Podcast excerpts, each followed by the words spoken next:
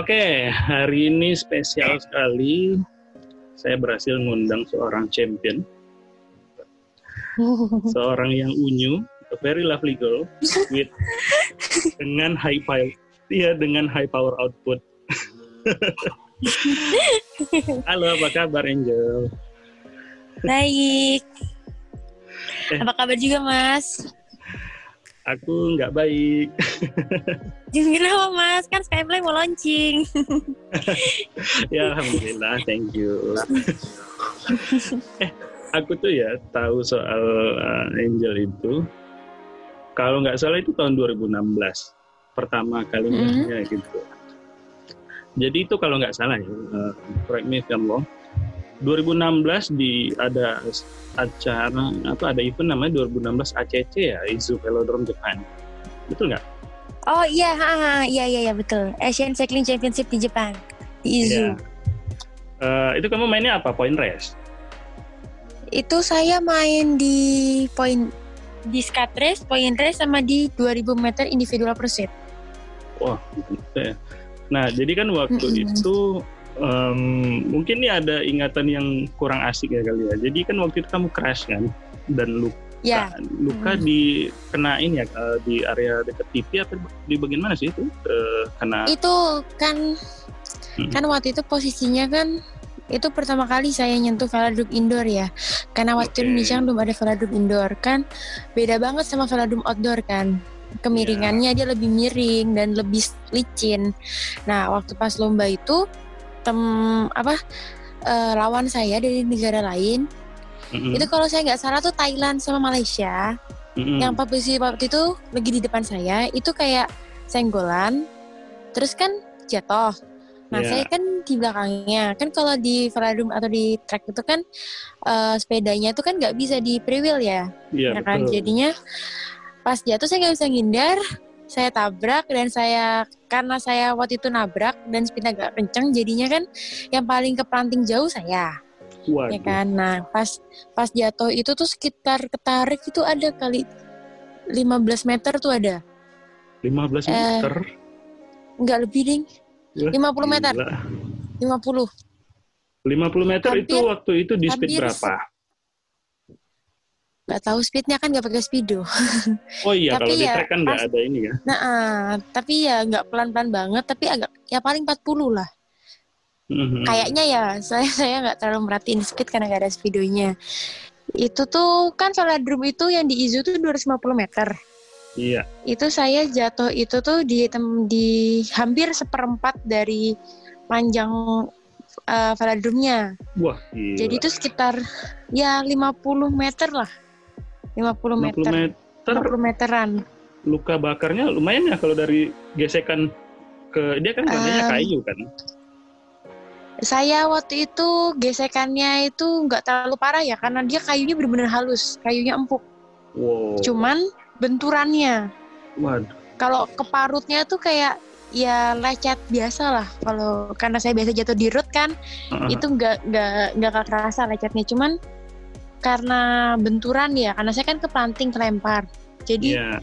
pas jatuh itu saya blank saya nggak bisa ngeliat apa apa saya benar-benar cuman hitam terus saya bangun-bangun itu tuh gara-gara saya dengar suara papa saya. Hmm. saya bangun saya bangun terus eh, saya masih puyeng-puyeng gitu. Terus tanya sama papa saya mau ngelanjutin apa enggak? Karena saya pikir itu nomor terakhir saya main kan? Itu nomor Iya. terakhir dari tiga nomor itu nomor terakhir. Saya udah jauh-jauh ke Jepang cuma jatuh gini aja saya berhenti akhirnya. Saya putusin tetap lanjut. Saya nggak Wow. sadar kalau saya nggak sadar kalau kacamata yang saya pakai itu nancep di pelipis mata Oh, waktu itu masih belum sadar masih Jadi- dalam kondisi si jadi saya tadi. mulai lagi, mulai lagi tuh saya cuman kayak masih ngeliat masih ngeblank ngeblank gitu. Untungnya dikasih free lap satu lap kan. Iya. Nah itu saya sadar itu pas ma lap kan lapnya itu 80 lap. Pas Mm-mm. lap ke 70 yang saya ingat ke 70 saya ngerasa darah itu netes ke frame. Oh. Saya ngeliat darah saya netes kan. Pas finish, saya finish itu dibersihin kan. Iya. Itu ternyata sobek. Oh. Sobek karena kacamata, bagian kacamata kan kacamatanya patah. Heeh. itu tuh nancep di pelipis. Iya. Sampai Memang sih sekarang masih ada bekasnya. memang sih mungkin Kenapa? eh, apa namanya goggles untuk kita sepeda itu kan memang melindungi mata ya. Cuma memang risikonya kan Heeh. eh, untungnya kan bola mata aman kan. Jadinya si lensanya eh, si lensanya berarti eh, kenanya ke bagian area pinggir-pinggirnya gitu ya kali ya. Iya. Oh Heeh. gitu. Enggak, yang pecah bukan lensanya. Lensanya nggak pecah. Frame-nya. Oh si frame-nya. Oh frame. Kalau Oakley kan, Iya. Oakley kan garansi tuh lensanya Oh, iya, kalau iya, di prism. aja kan dia nggak ah, Ya, nggak pecah prismnya kan. keren Nah, itu. Iya, jadi kac- lensanya tuh sampai sekarang masih ada. Ya cuman lecet aja. Mm-mm. Tapi yang hancur itu frame-nya itu patah, bener-bener patah. Jadi tak gitu. Dan patahannya itu nancep.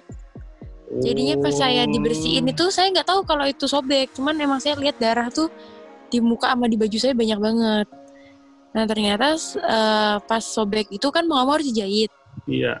Nah untungnya di Jepang itu kan kayak bagian eh, dokter sama apanya bagian kayak gitunya kan kayak canggih banget ya. Jadi itu saya dijahit. Jahitnya itu bener-bener halus. Jadi kan kalau di Indonesia tuh kayak ada bekas jahitan gitu kan. Iya, parutan Ini bekas kayak yang- jahit. Nah, ini kayak jahitnya itu nggak nggak ada bekas jahitannya, kayak transparan gitu loh mas. Iya, eh, Tuh, keren sih. Saya dijahit tiga, dijahit tiga itu.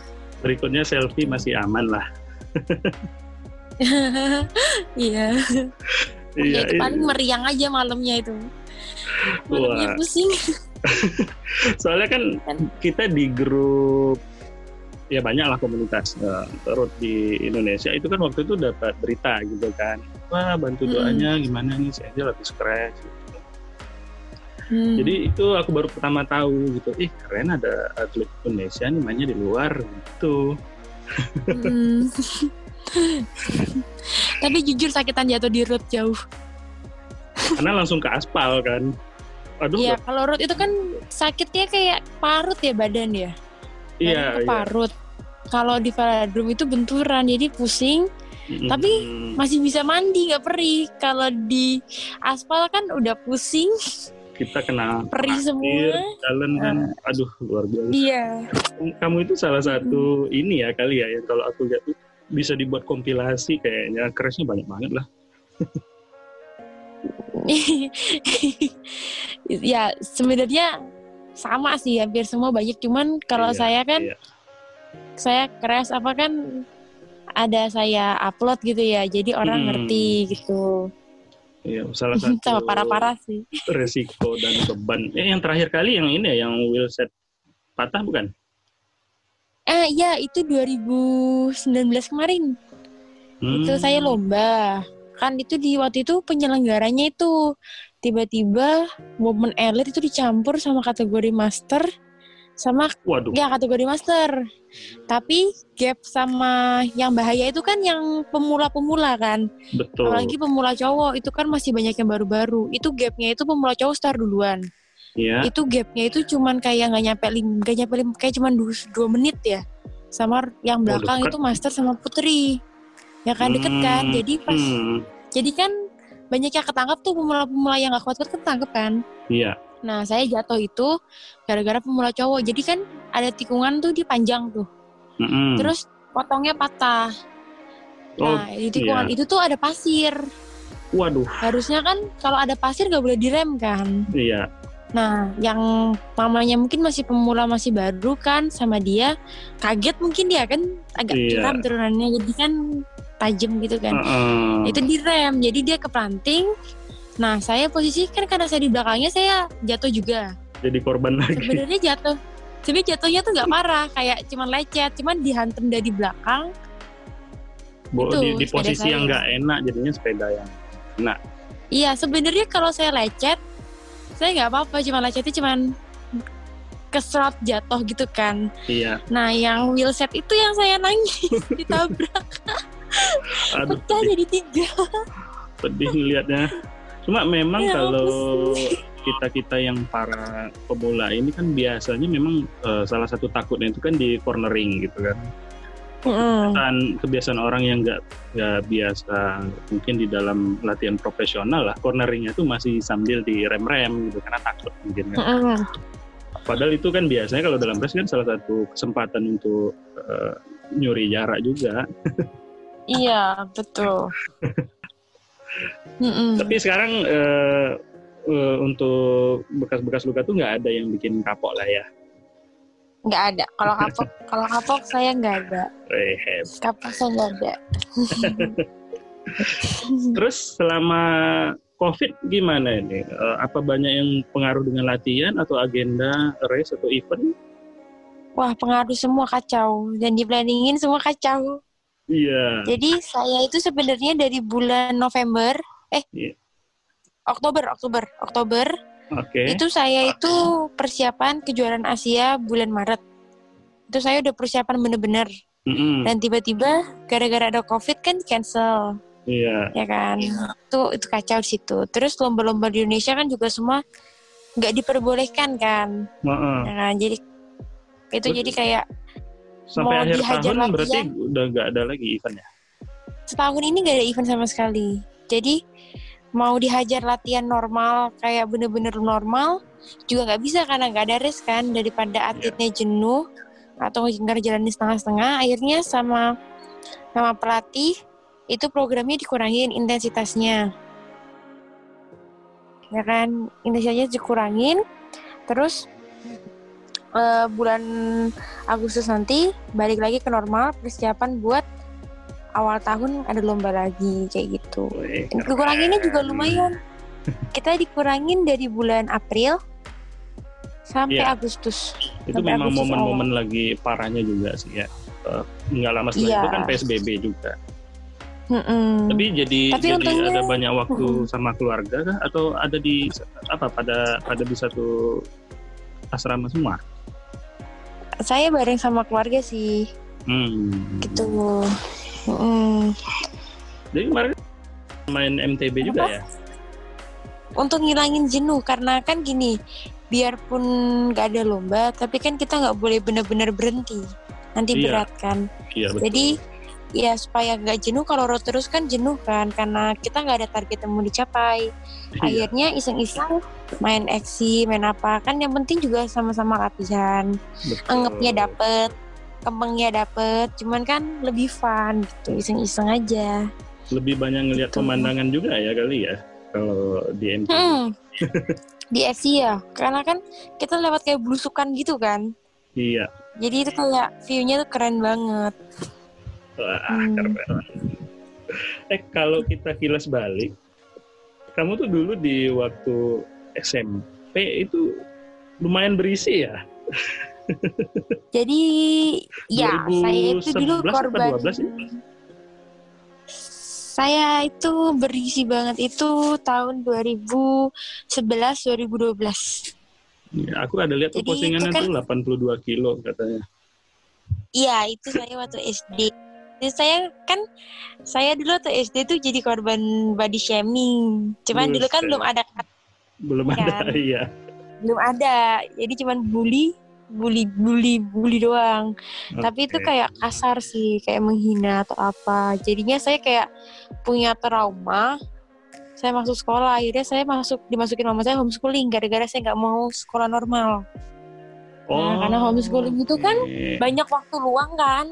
Iya. Nah, sama pap kan hobi saya makan juga. Nah, Hmm. selama saya, saya kan saya obesitas tuh dokter juga udah bilangin kurangin makan karena jantung suka sakit. Akhirnya Iya. sama papa itu kayak makan tuh di dikat, dijatah. Hmm, Nah, memang dikontrol itu- ya. Hmm, nah papa tapi kan saya suka makan jadi kayak tersiksa gitu rasanya. Terus papa ngajak kita sepedaan dengan iming-iming ada warung yang jual ayam goreng kan saya su- suka ayam goreng kan. Paling suka ayam Nah, goreng ya? Saya diajak papa tuh kalau nyampe sana diajak Makan. makan. Nah, saya denger kata makan kan semangat. Ya, Ayo. Nah, saya sepedaan sama papa ke daerah Pulau Watu itu 15 kilo dari rumah. Merembet gitu jalannya. Cuman kamar saya gemuk banget kan berat banget ya. Iya. Lagi jalan merembet itu. Cuman demi ayam saya dulu mau. Saya juga bingung sekarang. Jadi Ya, motivasi itu pertamanya tuh ayam goreng ya. Iya, aku tuh motivasi kan. Papa bilang kalau saya sepedaan, saya boleh makan, boleh makan agak banyak, saya boleh makan bebas. Dia semangat saya mas. Jadinya tuh basicnya kan Verna. Oh, Cuman gara-gara Iya, saya dulu renang 4 tahun gara-gara UN.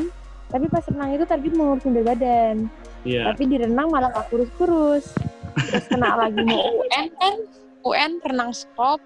Semua kegiatan olahraga stop. Iya. Saya makan terus. Jadi over 82. itu. Nah, Jadi- sama papa diajak sepedaan. Terus? Mm-mm. Terus diiseng-iseng sama papa. Ikut Ah, tuh? Oh, Dulu tapi belum masuk LCC latihan ada. in, tapi belum masuk latihan intens ya waktu itu. Belum, Oh. latihan makan doang. Terus diajak ikut ada lomba kan. Sama apa dibilang gini, kalau bisa finish dibeliin es krim. Wih. Ya saya semangat kan. Nah, waktu itu diikutin cuman kan ada lomba namanya LCC. Iya. Posisinya itu lomba di Jogja. Mm-mm. Nah, ada nomor ITT. ITT kan cuman ambil waktu 20 Iya. kilo. Jaraknya kan ya pendek-pendek kan tuh ya. Sam- Mm-mm, tapi ambil waktu Iya. nah teman-teman saya yang lain satu satu kategori saya tuh finish tuh 30 menit sampai 40 menit 30-an sampai 40-an kan Iya. saya finish satu jam jadi komisar di belakang cuma nungguin saya finish pokoknya saya target kalau finish kan papa bilang dapat es krim Iya. Jadi saya sampai finish habis itu saya jadi kayak kepengen kan kayak saya ngeliat pada yang juara itu kayak enak dapat uang Mm-mm. nah papa bilang kalau kamu mau kamu bisa akhirnya coba-coba-coba pas berat badan saya udah turun diikutin lomba lagi yang kedua kali Masih ada di progres, SMP Bang. waktu itu. Heeh.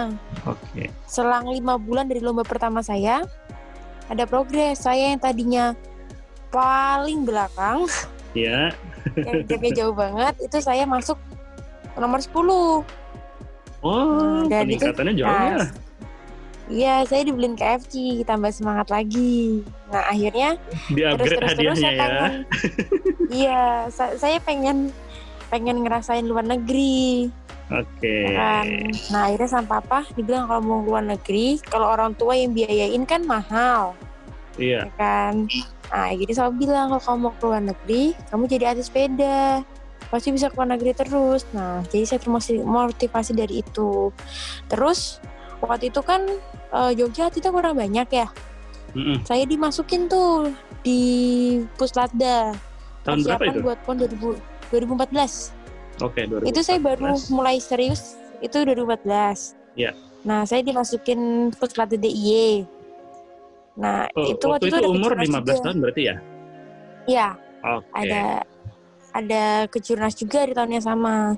Terus saya difokusin sama papa, dulu nomor 3000 meter IP velodrome. Saya difokusin sama papa, dua bulan tuh difokusin velodrome. Saya, saya dapat, padahal lawan saya kan elit. Saya dapat ke Mm-mm. satu. Nah, semenjak itu saya jadi kayak semangatnya membara-bara. Saya kayak saya pengen sukses di bidang ini. Oh, Akhirnya tumbuh latihan terus. kecintaannya eh, dalamnya di Heeh. situ ya. Eh tapi kenapa eh, Iya. diturunin ke track itu karena apa? Apa karena orang tua dulu pengalaman juga di track? Eh, waktu itu sih diturunin ke track karena lomba yang menurut papa saya bisa menang. Ya. Itu di track karena kan jaraknya nggak terlalu panjang. Saya kan waktu masih awal awal awal itu kan injury-nya belum kuat. Oke. Jadi Iya. jadi kayak ya kalau 3000 kan modal maksa kan. Nah, saya karena kebiasaan kalau latihan suka dikeplak sama papa kalau kalau males jadinya kan bisa maksa. Iya. Terus saya menang. Oke. Mm. Berarti itu official race yang pertamanya ya? Se- Setelah Eh, pelatihan. Iya, Oke. ah, ah, itu pertama kali. Kan orang tua Hmm. ini ya, eh, ini banget lah ya dalam nimbul nimbulin eh, rasa sukanya di sepeda ya. Berarti Hmm. sampai sampai eh, selesai ta- apa sampai berapa tahun kemarin itu eh, tetap homeschooling. Ya, saya homeschooling itu sampai SMA karena karena apalagi sejak saya udah mulai fokus di sepeda, Mm. itu kan bener-bener latihan pagi sore pagi sore. Kalau sekolah biasa kan nggak memungkinkan. Akhirnya saya Nah. masuk ke homeschooling, gitu.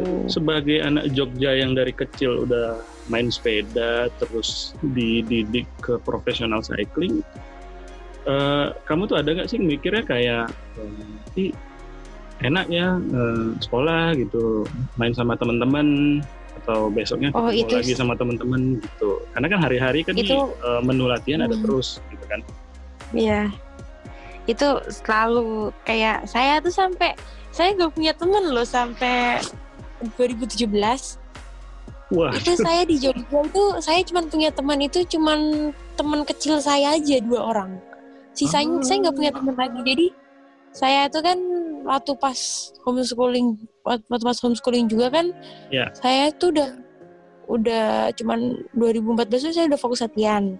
Iya. Nah papa itu kan juga dari saya kecil kan saya nggak boleh keluar ke mana-mana sendiri. Mm-hmm. Apalagi udah masuk di sepeda tambah over papa kan over protektif banget sama saya. Okay. Jadi saya di Jogja tuh sampai tahun 2016 tuh saya pelatnas kan. Yeah. Saya pelatnas tambah sibuk saya saya panas di Solo saya panas di Subang. Pokoknya saya pindah-pindah terus saya ke luar negeri. Nanti 2017 tuh setahun full saya nggak di nggak di Indonesia. Ya kan? Terus yeah. 2018 juga saya ke Korea terus pulang dari Korea saya tes di Jakarta Asian Game pulang hmm. akhir tahun. Terus awal tahun 2019 saya di Korea sampai pertengahan pulang ke Indonesia prapon terus balik lagi ke Korea. Jadi saya kayak sama sekali saya tuh nggak tahu Jogja sampai sampai akhir tahun 2019 ya 2019 saya baru saya baru punya teman aja tuh 2017 itu pun kayak teman-teman teman-teman sepeda Jogja Oke, okay. uh -uh. karena kan suka latihan bareng-bareng juga kan. Iya. Uh, kan memang kan? inilah ya, karena memfokuskan jadi uh, lingkarannya juga nggak bisa luas gitu kan. Iya, mesti ada yang dikorbanin. Saya Betul. saya kan mau dapet prestasi jadi ya masa muda saya kayak senang-senang saya korbanin. Cuman kan saya pikir gini, teman nanti bisa saya cari. Benar. Saya saya kan juga orangnya bisa gampang berteman sama siapa. Jadi kayak saya yakin saya fokus dulu, nanti urusan teman saya bisa dapetin. Kayak sekarang kan saya sempat masuk kuliah walaupun cuti ya. Iya. Itu walaupun saya masuk masuk full cuma satu semester tapi kan teman saya udah udah sekarang udah banyak apa keren gitu. karena memang um, asalkan kita mau juga kan yang namanya nyari temen atau kenalan yang sama-sama asik di area latihan atau di area profesional atau di luar itu pasti bisa aja kan mm -mm, iya bisa aja oke okay. terus okay. you've been to Korea Switzerland Thailand Japan bahkan sampai Bahrain Circuit. Yang yeah. paling favorit mana kalau selama di luar? Ya, saya paling favorit itu waktu saya ikut World Championship di Bergen di Norway. Itu saya okay. saya nggak nyangka banget saya bisa ikut kejuaraan dunia yang di mana waktu itu Indonesia cuma saya aja wakilnya dan saya tuh berangkat ke World Championship itu saya habis dapat beasiswa dari Switzerland. Jadi saya di Switzerland dua bulan. Hmm? Dari poin saya ngumpulin poin kejuaraan Asia. Saya ya kejurnas gitu. Nama kejuaraan Asia ini saya ke dapat invitation ke Switzerland. Terus di sana dipersiapkan buat ikut kejuaraan dunia. Nah, dan itu saya kayak karena saya terharu kayak saya udah berhasil kayak keliling Eropa waktu sebelum ke Switzerland kan saya stay di Belanda.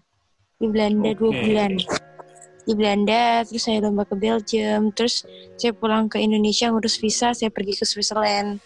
Saya lomba di French terus saya ke Norwegia yang kalau gak bukan gara-gara sepeda saya nggak bakal ke sana karena kan biaya mahal banget. Iya betul. Tuh.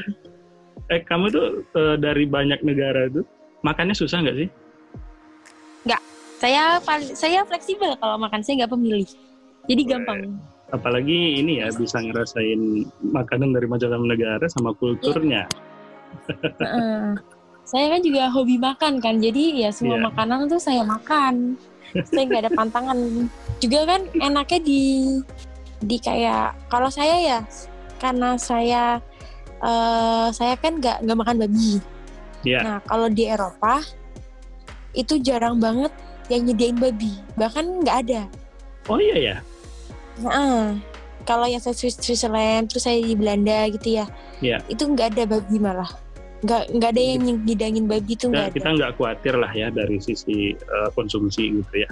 Kadang-kadang itu suka Mm-mm. eh, khawatir ini apa sih ini yang disediain.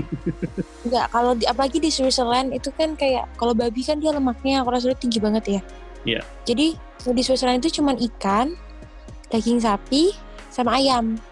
Proteinnya itu aja sama telur nggak ada babi nggak ada apa. Justru yang bahaya itu kayak waktu saya ke Cina saya ke Korea saya ke Jepang itu banyak banget. Karena itu Kalau emang Eropa common food di sana. iya kalau Eropa aman. Bahrain itu juga aman. Oke. Terus eh, berikutnya nih, kamu tuh punya nggak sih eh, negara apa aja? Atau eh, sharing lah eh, top 3 negara yang pengen banget sampai ke sana gitu. saya pengen ke sana Ya. itu Yang belum. Australia Australia, Australia ya saya pengen ke Australia terus ke mana ya ke, ke, eh, ke, Ing- ke London wah Inggris kota Saya- sepeda.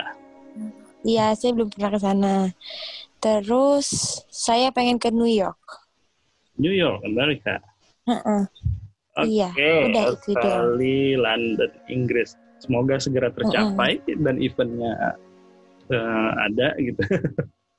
ya Tapi amin kita memang khawatir lah ya selama COVID ini juga keselamatan em, para atlet, orang-orang yang penyelenggara event atau penonton juga. Karena ini kan olahraga yang ber- sangat berdekatan, terus yang nonton juga eh, rame gitu kan. iya Bahaya. Mm, betul betul Heeh. tapi emang Eh. dari awal saya udah feeling sih kayaknya nggak bakal ada lomba Iya. pas baru masuk di pas eh, Malaysia kena tuh kan Indonesia masih nol tuh Iya. tapi saya rasa hmm, itu mungkin nggak kedetek aja jadi Oh iya benar. kan harusnya udah ada lomba banyak tuh saya udah rasa bentar lagi juga ini pasti cancel kayak gitu lama kena yang di Depok itu yang kasus pertama kasus kedua kasus tiga. Ya, gak gitu lama lusa lomba jadi batalin. Kan Gitu. ka- kayak kalender internasional aja ya Giro aja itu baru dua bulan lalu kan yang diumumkan. Uh, kami fix Mm-mm. akan ngadain uh, Giro di bulan 10 itu aja event nasional yang mereka udah mikir-mikir banget lah gitu kan untuk ngadain. Karena Mm-mm. tahapnya udah luar biasa sementara kalau nggak diadain rugi persiapan Iya, betul. persiapan udah lama gitu kan sponsor dan lain-lain Mm. Tapi Itali kan parah banget ya untuk COVID-nya ya. iya bener Hmm. salah satu mereka Makanya- negara yang cukup kontroversial di awal-awal outbreaknya COVID. Mm-mm. Iya. Oke, seru ya ceritanya. Semoga inilah ya, semoga makin banyak lagi pengalaman yang seru. Em, Amin. ya, COVID juga mudahan biar bisa cepat berlalu, biar yang berlatih udah bersiap lama-lama juga, yang nyiapin event dan lain-lain juga bisa eh, dibuka Hmm. lagi lah gitu. Iya. Oke. amin. Angel, terima kasih cerita-cerita singkatnya. Kita juga nggak bisa lama-lama karena kamu juga mau istirahat di sini kan ya. iya. Masih terikat jadi atlet. Iya, nggak apa-apa lah gitu, mengejar mimpi. Iya. Ya, oke, terima kasih banyak. Sampai jumpa lagi. Iya, terima kasih juga.